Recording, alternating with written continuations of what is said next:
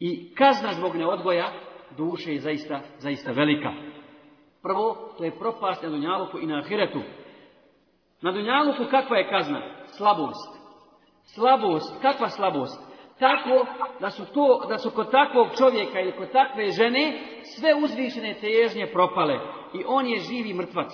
Jer nije osjetio slast odgoja duše i borbe, borbe protiv, protiv svoje duše. Zatim, nestabilnost u životu.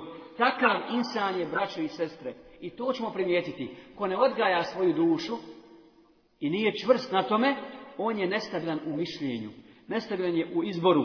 Nestabilan je u svojoj ideji. I kad god pokuša uraditi dobro, duša ga pozove na drugu stranu. Duša ga pozove na drugu Zatim poniženje. Poniženje takav doziva na svakom koraku jer je rob svoje duše. Rob svoje duše i kad si rob duše, kako da joj se ne pokoravaš? Kako se, I kad se ljudi smiju, i kad te ljudi izigravaju, i kad, si, kad vidi svak da, svak da si tako nisko pao, da si ponižen, ti ne možeš, a da se ne pokoravaš svojoj duši. Jer njoj robuješ, nisi se posvetio njenom odgoju. Zatim kukavičluk. Duša takva, čovjek neki musliman koji, koji se, ko ne odgaja svoju dušu na principima Kur'ana i sunneta i na primjerima ashaba i onih koji su nas pretekli u dobru, sigurno, sigurno će vidjeti da je kukavica u životu.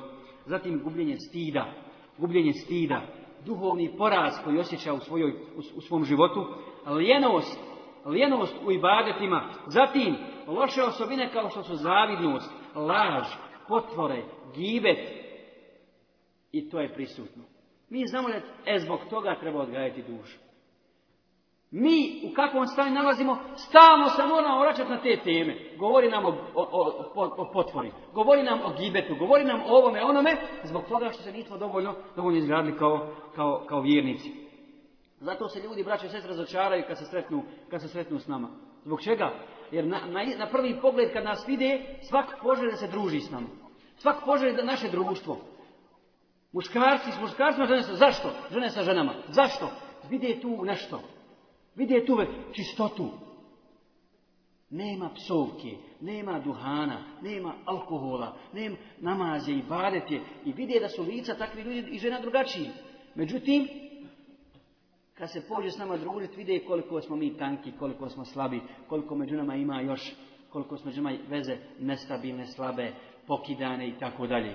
I onda se razočaraju, pa kad su ovi takvi, onda ko ima, gdje ću naći, gdje ću naći pravo društvo? Gdje ću naći utjehu? Gdje ću naći utjehu?